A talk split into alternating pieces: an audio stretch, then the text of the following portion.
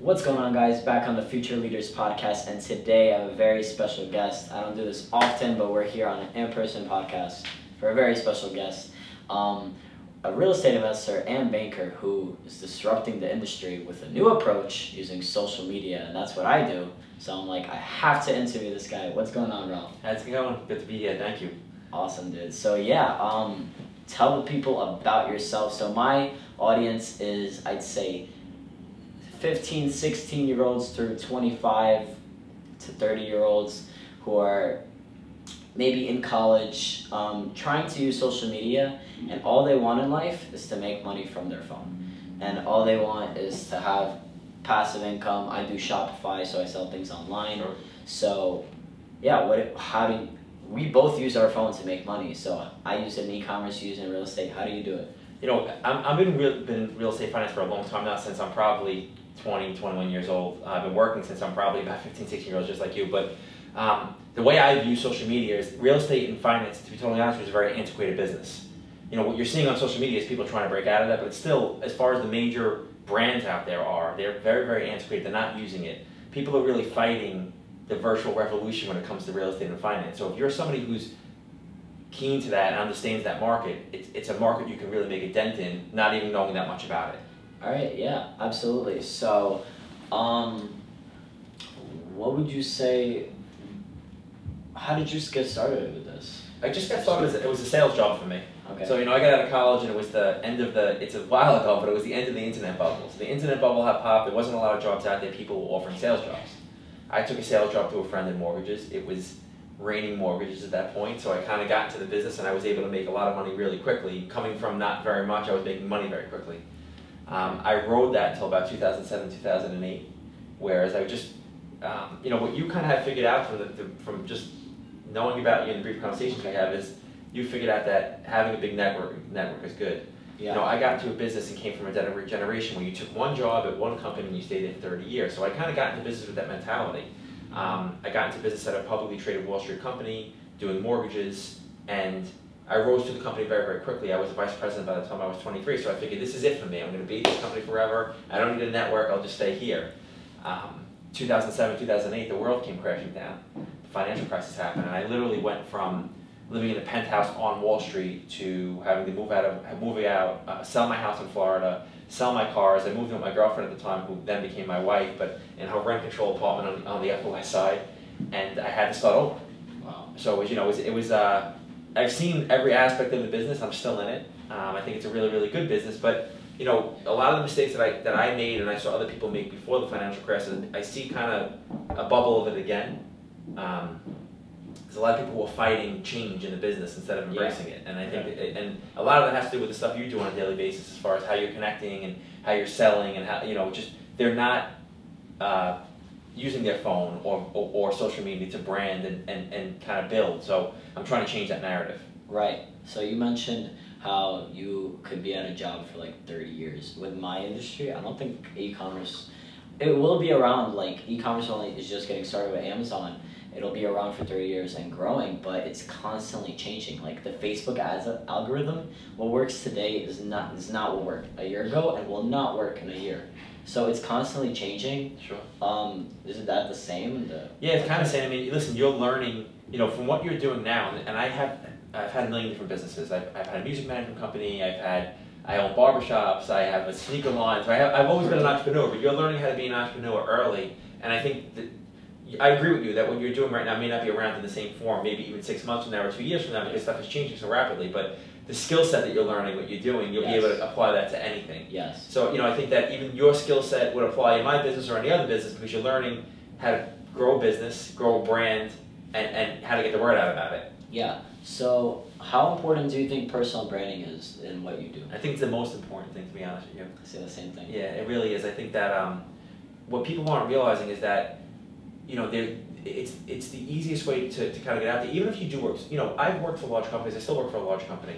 You know, we're backed by an eighty-two billion dollar hedge fund. So it's you know, I'm not in control of all the money at my company. But if I continue to grow my personal brand, then I control everything. I have all the leverage. When you have your own brand, no matter what it is, uh, you have the leverage. I think I, I saw something this was a couple of years ago where I don't know if you remember this. There was a scandal where there was a, there was all these leaked emails from Hollywood. Okay. And, and Kevin Hart was one of the emails that leaked. So it, got, it was an e- the email from him was to a Hollywood executive, and it said basically they were asking him to promote a movie through his social media. And his response back to them was, "I'm not going to promote anything unless you pay for, pay me for it because Yeah. my social media is worth X. Yeah. If I was a marketing or a branding company, you would pay me X to do it. So that's separate. Me acting is one thing. Me branding is separate. So Yeah. again." He created a situation where he had all the leverage, and I just think that applies to any business at this point. That you, if you can create a brand that people are, are used to your voice, then you can use that for anything. That's interesting. Yeah. Kevin Hart. Yeah, it's crazy. That's Yeah, that's funny. and he listen. He kind of it was you know it came out like it was almost like a scandal. People were looking at him in a weird way, but and he he he spoke about it. He's like, look, I'm not going to apologize for that. I built this Yeah. on my own back. You know, what I mean? like I should be paid he, for it. He shouldn't. Yeah. Um, I would say the same thing if I had. How many followers? He has like he's got one of the bigger people on social exactly. media. Yeah, He has over like thirty million followers. I would think something, something, like that. Yeah, I mean, a po- you know how much Kylie Jenner charges for one post? I can't imagine. A million dollars. Yeah, it makes sense. But that's what it's really worth. You know what I mean? Like it's really worth. Like people are on their phones constantly. People are scrolling through Instagram constantly. Like it's like you're never going to get anything better than that. A Super Bowl ad doesn't have the same effect as somebody who's got a big, uh, in my opinion. Yeah. It- it- Kylie Jenner has more effect than the Super Bowl ad does. That's really the truth. So she should charge that much. That's funny. I think she does. she probably does. That's funny. Um, okay, so what would you say to an 18 year old who has a little bit of money, maybe like five grand, and wants to get in? I hear this a lot. Get in, getting into real estate. Sure. What would you recommend? What I like a lot right now, to be totally honest with you, is there's a lot of crowd funds right now.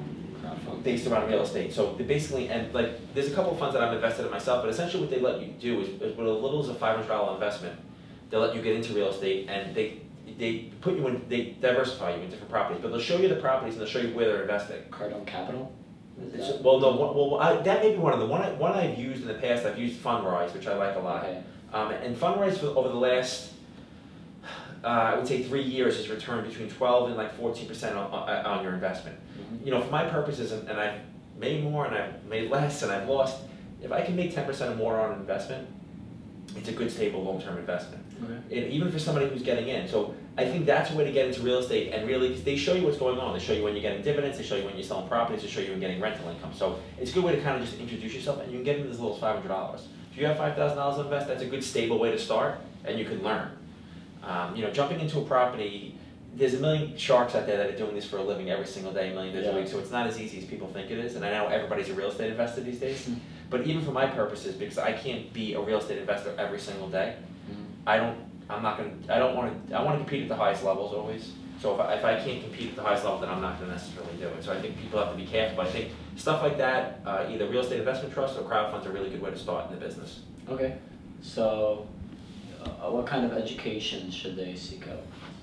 So there's a ton of stuff out there as far as as far as seminars go, but I think the, the most important thing you're gonna you're gonna the most important education you can get is all on YouTube, and Yeah. you know it's, it's not books these days. It's on ebooks. It's all on YouTube. I think podcasts. To be totally honest with you, there's there's a million great real estate podcasts. I listen to Ed Mylett. He's a big real estate investor. He's great. Dean Graziosi. Like these guys are, have proven systems, and they're giving away free information every single day. Yeah. You know, it's like I have friends that kind of grew up and they didn't go to college, but they educated themselves in Barnes and Nobles. You don't need to do that anymore because there's podcasts now. You know, you can just listen to that stuff. So I think that um, if I was to say anything, I would, I would go look at better real estate podcasts from, and you can just listen and get enough knowledge where you can know where to, know where to be. And more than anything, um, what's going on now in real estate is that it's a different customer. You know, they want different things in the past. It's that people don't want to live in these big crazy houses anymore. They want something that's small, that's close to city areas. 'cause they want they want less is more.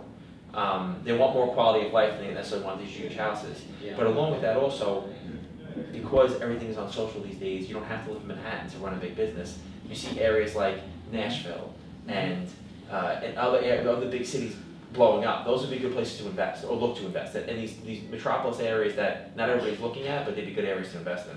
Yeah, um, yeah, it's like a lot of people in my industry, they're moving to like Scottsdale, Arizona. Yeah. Like, it's weird, but Yeah. everybody's like there, and that, that, yeah, with my business, I can make money in any country Anywhere. and Just anywhere at any time.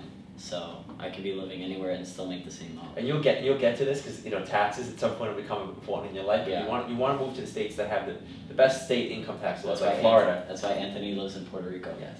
yeah, exactly. Yeah. So I mean, listen, Florida, Texas, Yeah. Tennessee, they have very very good tax laws for income purposes. Okay. So you, you're, what you're seeing, especially in Florida, is that there's a mass exodus from, from New York and New Jersey into Florida because the tax situation is not good here. Mm-hmm. Because you in New York City, the state, the city, you're paying all these taxes. In New Jersey, the property taxes are high. So people are, from the Northeast, people are like mass exiting into these uh, these these warmer, tax-friendly states. So Yeah. like, and, and for that purpose, there's there's business opportunities in those states for everybody because there's mm-hmm. more there's more people moving in mm-hmm. So taxes play a huge role. at this point. Yeah. Uh, okay. Um, so back to branding Sure. because that's what my audience wants to do. They want to build brands under themselves, right? So how do you recommend somebody get started, quote unquote, building a brand? I, you know, and, and this, and I'll kind of back into this answer, but this is the best way for me to answer it. Like I, st- I started three years ago, not knowing that not much about branding and PR and stuff like that. I'm like, I'm gonna go the traditional PR rate, uh, route, and I had kind of, um, I had the money to fund having hiring a publicist. I hired a regular, normal, traditional publicist to get me on news and all that stuff. Um, and when I started to realize about that, is first of all, who's gonna, I was on CBS and NBC, but who's really seeing that? Nobody watches that anymore. Everything's on people's phones. So that was the first mistake. The other thing I realized about it is that I was going to, I would get a call from a reporter in the morning, and they'd be like, "Hey, we need someone to do a story on X, Y, and Z in real estate. We need you to be here in two hours. You need to write the story, and you need to bring somebody else that can talk about this." So after like a few months of doing this, I'm like, I'm making the stories for these news channels because, because news reporters at this point, because it, stuff moves so fast, are under a really a time crunch, right? Yeah. So I started realizing is why am I doing this for when I can just put the money in myself and build it for myself? So I created a, a website by the name of Home Qualified and a blog, a blog from it, um, and I started writing real estate news stories for myself. And I would write the same stories I was writing for them. I would film them. I would edit them. I would put an article up, and I would I would I would go. What I started doing with that is I started sending those articles to people that I thought would would, would needed information for their stories. So from that, I was able to get on MSNBC, Huffington Post, CNBC, and I started getting all the digital in the digital space as as a voice in my industry, completely on my own.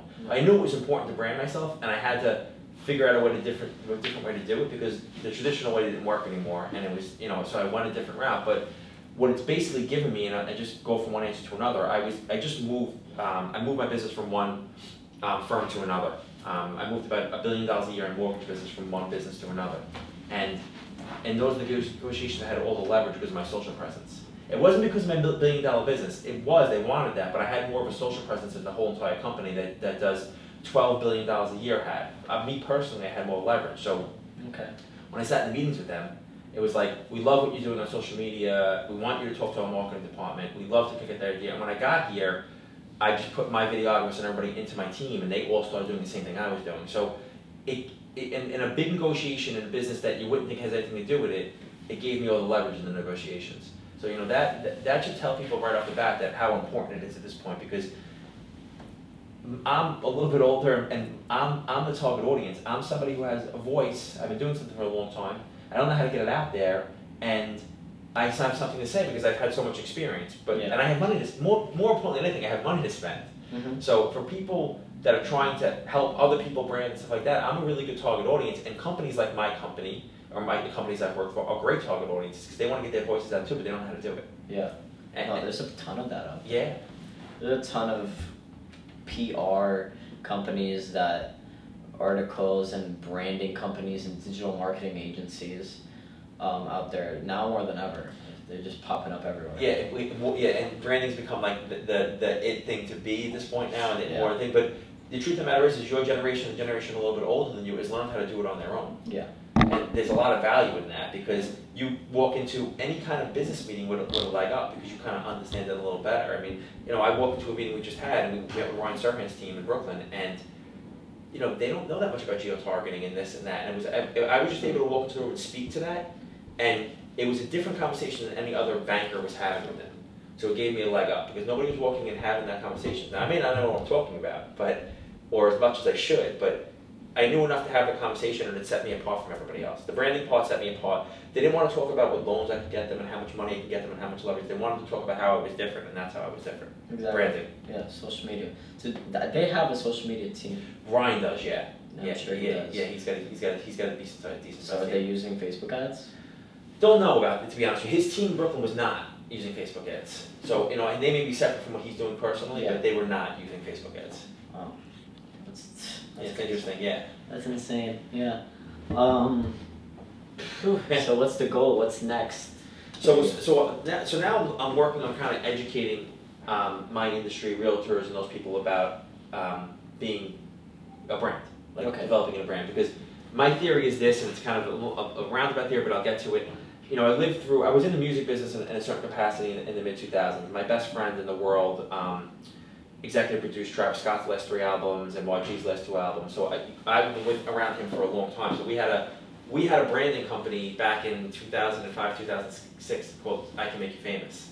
So that was his tagline was I Can Make You Famous, and that was the and I was it was his company that I was helping him run, and he managed Nicki Minaj, and we had like some really really early success story. But it's funny because the music business crashed at the same time as the financial business crashed. Everything crashed at the same time. Wow. The reason the music business crashed, and I saw it from the inside, How does the music business crash? well, because Napster, which came out in like 2001, 2002, basically introduced through, through, through, through platforms like Napster and what was because that was called Kazaa at the point. They were they were streaming music. It was the beginning of streaming music, but the music industry it wasn't considered streaming at that point. They were stealing music.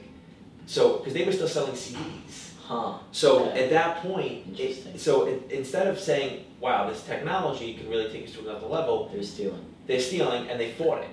So they went to court, they shut them down, they bankrupted them. And they, they like, okay, we bankrupted them, back to business as usual. But what happened is that the artists got smart. They're like, this is crazy. We can put music out on our own. We don't need the music labels. We can put music through blogs. We can use SoundCloud. At that point, it was MySpace. We can use MySpace for music. So they started to figure out ways to go around them. Mhm. So the music, you know, they, they plugged one hole, but it was really like the Titanic. Like it was like it was it was there was a huge hole they were missing. So Yeah. they fought it for like five, six, seven years until, and then they finally embraced streaming. Mhm. Now they're making the music business. They're making more money than they ever have because of streaming. Because now they can be in every continent, and it's becoming huge everywhere because they can make money constantly off Uh-huh. it. So they shouldn't afford it for the first seven years. They should have embraced it. So what I'm seeing with the, the real estate business and other businesses is the same thing. Real estate is going to go is going virtual. It hasn't happened yet completely. It's happened somewhat, but it's going to completely go virtual at some point. The real estate agent is not going to become obsolete, but they're going to become somebody that has to be virtually savvy and have a brand themselves to really operate. Okay. So I'm trying to educate that world on they have to do that at this point. Like you have to go that way because if you don't, it's going to go the same route as music went. You're going to crash and burn, and you're going to have to play catch up.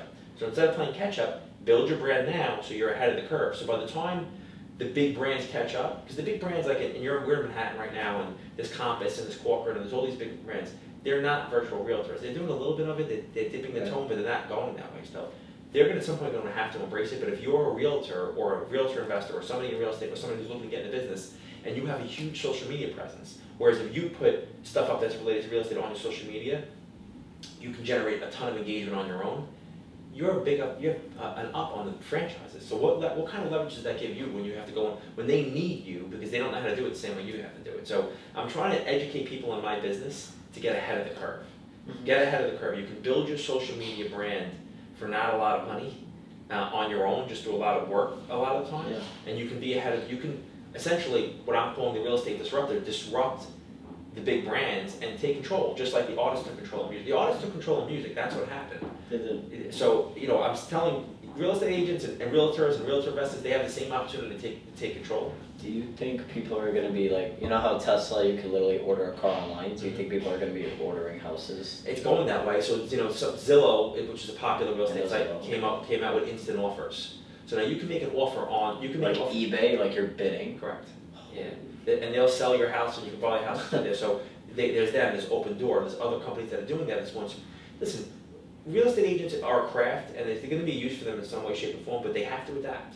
Like you Mhm. can't not adapt. You can't like, you can't say, well, any industry. You and you have to. You have to. Yeah, yeah. If you're sitting in an industry where you're, you're always, it's always gonna be a little bit of a relationship business, but at the same time, if you don't adapt, you know, you, you're gonna fail. Like you can't keep Yeah. saying, well, it didn't happen yet, so it's not gonna happen. It's gonna happen. Yeah. You're going that way. So it's like, so I, you know, I think people just need to get ahead of it. And I think the opportunity for people who are looking to get into the business that understand social media and have a presence, you can learn the real estate part of it. It's not that hard. I promise you, it's not that hard. If you understand how to brand, you can do anything. You literally can be in any business and make money doing anything. I really feel that way. Absolutely, with a brand, yeah, you can go into anything. Yeah. Uh, cool. So your target market is real estate agents. Yeah, yeah, or, real, or people who are interested in real estate investing or um, around real estate for sure. Yeah, that's, that's my target audience. All right. Yeah. Cool. I want to invest in Good. I hope I inspired you to invest in real estate a little bit. I, I want to. Listen, you're in an age if you started now, Yeah, you- my portfolio like Yeah, I mean nuts. Yeah. I mean, listen, I forget what the number is, I think, but I think it's ninety percent of, of, of the world's millionaires are, are, have made most of their money in real estate. So it's like Yeah. that should tell you something, and that number will skew a little bit now because the, the world is changing. But it just shows you there's always money that can be made in real estate. Yeah. Yeah. Like no, no, no. Real estate has made the most millionaires out of any. Yeah, it's crazy. Yeah. And the crazy thing is, that's the one business you don't need a college diploma in. No. Listen, I look. I, I, Stance on college. When you hear this.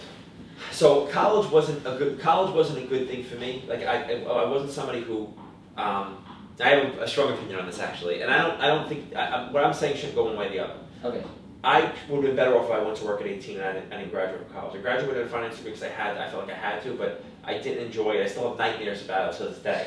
And what I feel about it is that. You know, it- just because you can't sit in the classroom and be good at, at school because it's not interesting, it, I wasn't being challenged enough. It wasn't interesting to me, so I, I didn't want. I didn't excel at it. But because I failed in school, I felt like I was failing at life. So it almost took me 10 years to catch up to myself, to, to get the mental confidence back that, that school took from me.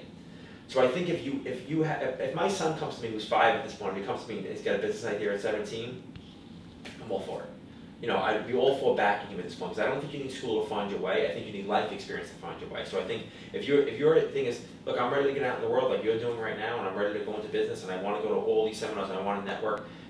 Your generation has figured it out at this point because what I didn't know, what you guys know now, is that you don't need to work for anybody. You don't you don't need to um, stay at one place for 30 years. All you need to do is have a network of people, a big good network of people that you can make money around that are doing forward things, and you can always make money. So I think that college is good for some and not good for everybody. And if it's not good for you, you shouldn't feel like you have to do it. Okay. Um. And I'm not trying to influence you one way or the other. I'm already influenced. But what would you tell me? Um, for your purposes right now, I think that you should continue to educate yourself and find ways to educate yourself. I'm always educating myself, just So- so not you through a classroom. I, I honestly, and I hope your parents don't want to kill me for this, I, I think that it- could hold you back in some ways if you if you had to commit to something. Because I just I'll put it to you this way, and again I'm a little bit older, so I think that this, but I think this uh, uh, way as an entrepreneur. There's there's 24 hours in a day. Yeah. There's, there's a certain amount of days in the week. I want to maximize every single hour I'm awake during the day. I get up at 4:30 in the morning. I exercise at 4:30 in the morning. I meditate at 4:30 in the morning. By the time 7:30 comes, my day is off. So I, I maxim, I'm maximizing my, and listen, getting up early, to be totally honest, for me, was the key to life when I started learning to do that, because it gave me time in the morning. School gets in the way of that for me, to be Yeah, well, that- and I've tried it for like a week, and with school, it just kills everything. So It kills, you feel like it's killing your momentum.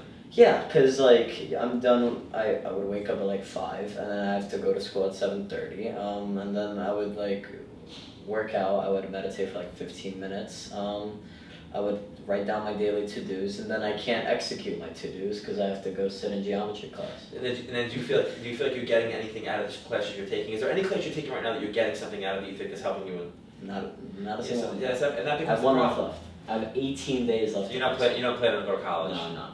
Listen, and, and, and I don't have I don't have a problem with that either because again, I think you have to maximize your time. Yeah. There's, only, there's only so much time. When the only thing you can't buy more of is time. Time. So you know, you you- listen. You may have figured it out before everybody else does, but the problem with colleges too is that it's ruining this country with debt in a lot of ways too because one point six trillion. yeah, it keeps getting worse. Yeah. And so I, I, I didn't have college that I paid my way through college. I didn't have college debt, but people get out of college and they have 100, 150,000 dollars in, cre- in debt. Then you take a job for 60, 70,000 dollars a year. So let me just equate that. If you have 100,000 dollars a day, you take a job for 60, 70,000 a year. That's a W two job, which means you're only working away with three to 35,000 dollars. That means you're walking away with 3,000 dollars a month to live with that. Yeah. What's going towards the debt? You're not going to be just you need you know you're not. It's going to be very hard to pay that debt down unless you have a real plan, unless you're making really big money. Yeah. So, you know, I think you could learn every single day, and you don't have to pay for it. But if you're going to pay hundreds of thousands of dollars for it, it, better be something.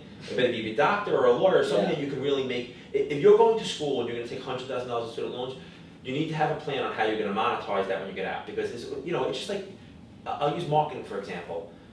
Uh, you know, I was talking to somebody recently. Said somebody came to me. They said they- wanted a million followers on Instagram. They were willing to pay me to get it there it took, by, by, by marketing to a target audience. It was a fitness company that wanted to target entrepreneurs and fitness, whatever. And they were going to target, and, it was going to be expensive to do. It was going to cost like a dollar a user to do it, right? Like I said, I don't care to do it, but so he spent a million dollars to, to, to get a million users, a million followers on Instagram, but he had a plan.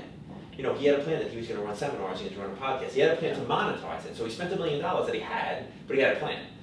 What's your plan to spend hundred fifty thousand dollars in college, like, what's your plan, how are you gonna monetize that after it's finished? So I think that becomes the question you have to ask yourself, like, how am I gonna monetize this, and maybe you don't care, you know, maybe you're just trying to learn a craft and, and you want to, Yeah. but, but it, it, it, I think in my brain as a business person, as an entrepreneur, if I'm gonna spend hundred thousand dollars on something, how am I gonna be able to monetize this later? And I think that's a question you really have to ask yourself if you're really interested. Maybe you're not interested, maybe you should want to go party for four years, and that's okay also. But, um, you know, I just think that it's gotta be a plan, it's gotta be a plan. And I think most people don't have a plan, they just go to college to go to college.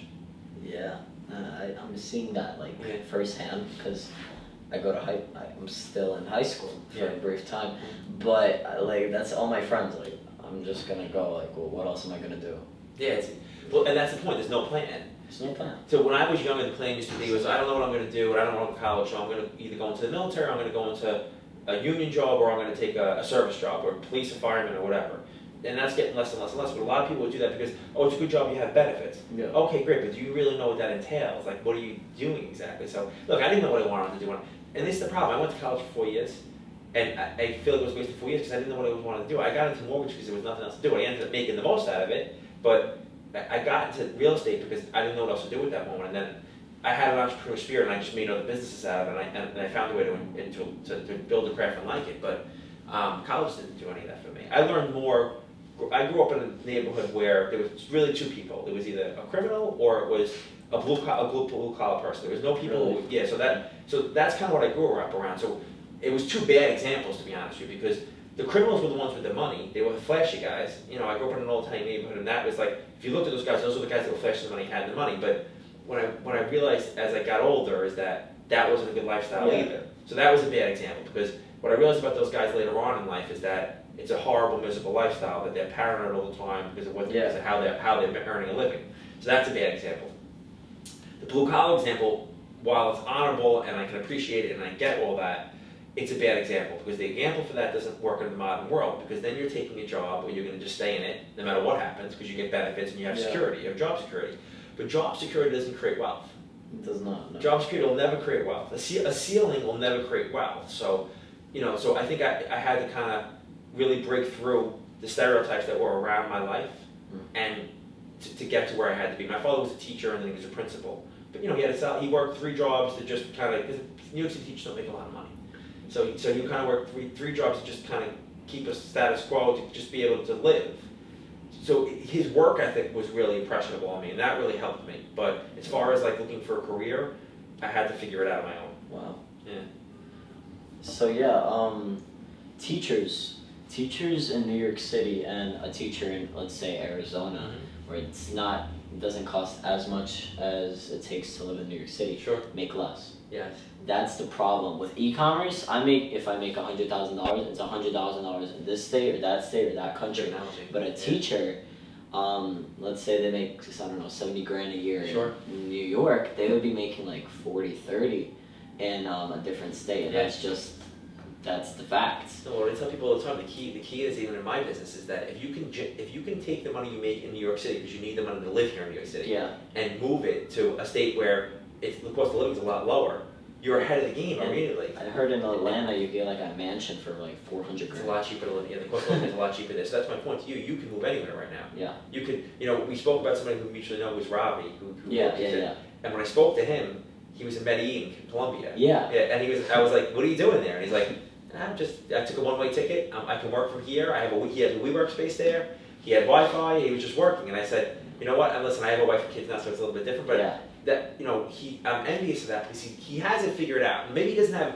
He hasn't gotten to his end goal yet. He doesn't. Yeah. He's not there yet. But he's got the system figured out because he figured out a business that he can monetize from anywhere." hmm and he's got a brand and he's put but it just it, it makes that that as a business plan makes a lot more sense than somebody that comes to me and says hey i'm gonna, I'm gonna spend $200000 i'm gonna go to college for eight years i'm gonna graduate i'm gonna be 24 25 years old and then i'm gonna try to go, go get a job in, in the world against another 100000 people trying to do the same thing i'm doing i don't know that that's a specific enough plan for it to be successful yeah. so i think that's the that's the key Whew. a lot of knowledge. A lot of knowledge. Um, yeah. Any other key points you want to touch on? No, listen, I, I, I, I kind of just about you. Like I watched a lot of your stuff before we met, and I, Yeah. and um, I, I think you, you, you have a lot of it figured out. I think you just like you know what you're doing, whether it's drop shipping or however you're going to do it. Eventually, you, you kind of have a business, you have a business mind. hmm And I think that for your purposes and what you're showing people, it, it, it's very very powerful. Yeah, people come to me, they say, oh, I don't know if dropshipping will be around in five, ten years. I said, yeah, but I'm not a drop dropshipper. I'm an entrepreneur. I'll adapt to Yeah, whatever comes. Yeah, that's good. Listen, that's a good way to look at it. And I- think for you, the key is going to have to be um, catching the right things. That the, the stuff that catches your eye. That's going to Yeah. be your next. What, what's what's your next thing? Because for my purposes, whatever I'm doing, no matter how successful it is, the worst the worst mistakes I've ever made in my life is when I was sitting around. I was comfortable because I was making money and I didn't have to do that much. It's, this is the only. If I could give any advice, it would be if you're ever sitting around making a lot of money and you feel comfortable, like you're bored Yeah. something's wrong. So either something bad's gonna happen, or it, it's time for you to make change one thing or the other. Because if you ever get too comfortable and it's ever too easy, it, you, you you need to challenge yourself in a different way for a million different reasons, just to grow. Because Mhm. you'll never you'll never be happy. It could you could make ten million dollars a year. In, in my opinion, if you're a true entrepreneur, if you're sitting here doing nothing all day and you're making a lot of money and you're not being challenged, you're gonna be bored. So for you, Yeah. it's just about finding the next thing. True. Yeah, I feel bored sometimes. Yeah, like money coming in and I'm laying on the couch. yeah. It's you- cool, feel like you're not working. Yeah, Yeah, yeah. yeah, yeah, yeah. It's I get it. I guess it's a good It's a good problem to have. yeah. I'm not knocking your problem, but it's still like, like it just you know what that means though. It means that you have capacity to do more. Yeah, Sure. you have a lot of capacity to do Everyone more. does. Yeah, you, you always do. Even Bezos. It keeps yeah, yeah, everybody, yeah, right. Everybody's got capacity to do more. When people tell me that I'm too busy to do stuff, I just think that they haven't accessed that part of their brain at Oh this man, point yet. like yeah. my high school friends. Oh, I'm too busy. I can't. Like Yeah. what? Yeah, what do you too- mean yeah. too busy? In high school. Yeah, that's, that's a good mentality to have. Uh, but yeah, um, yeah. Where can people find you? On So social? uh, my Instagram is uh, dibug d i b u g. Um, my website is homequalified.com. There's a lot of real estate information and investment information on there if you're interested in looking out. Um, and my name is Ralph DiBugnara. All right, Rob. Great to have you. man. They have me. Thanks, All right, thank you guys so much. See you guys in the next one. Awesome. Cool. Yeah, so Yeah, that's good. a wrap. This stopped working. Okay, That's so- why I like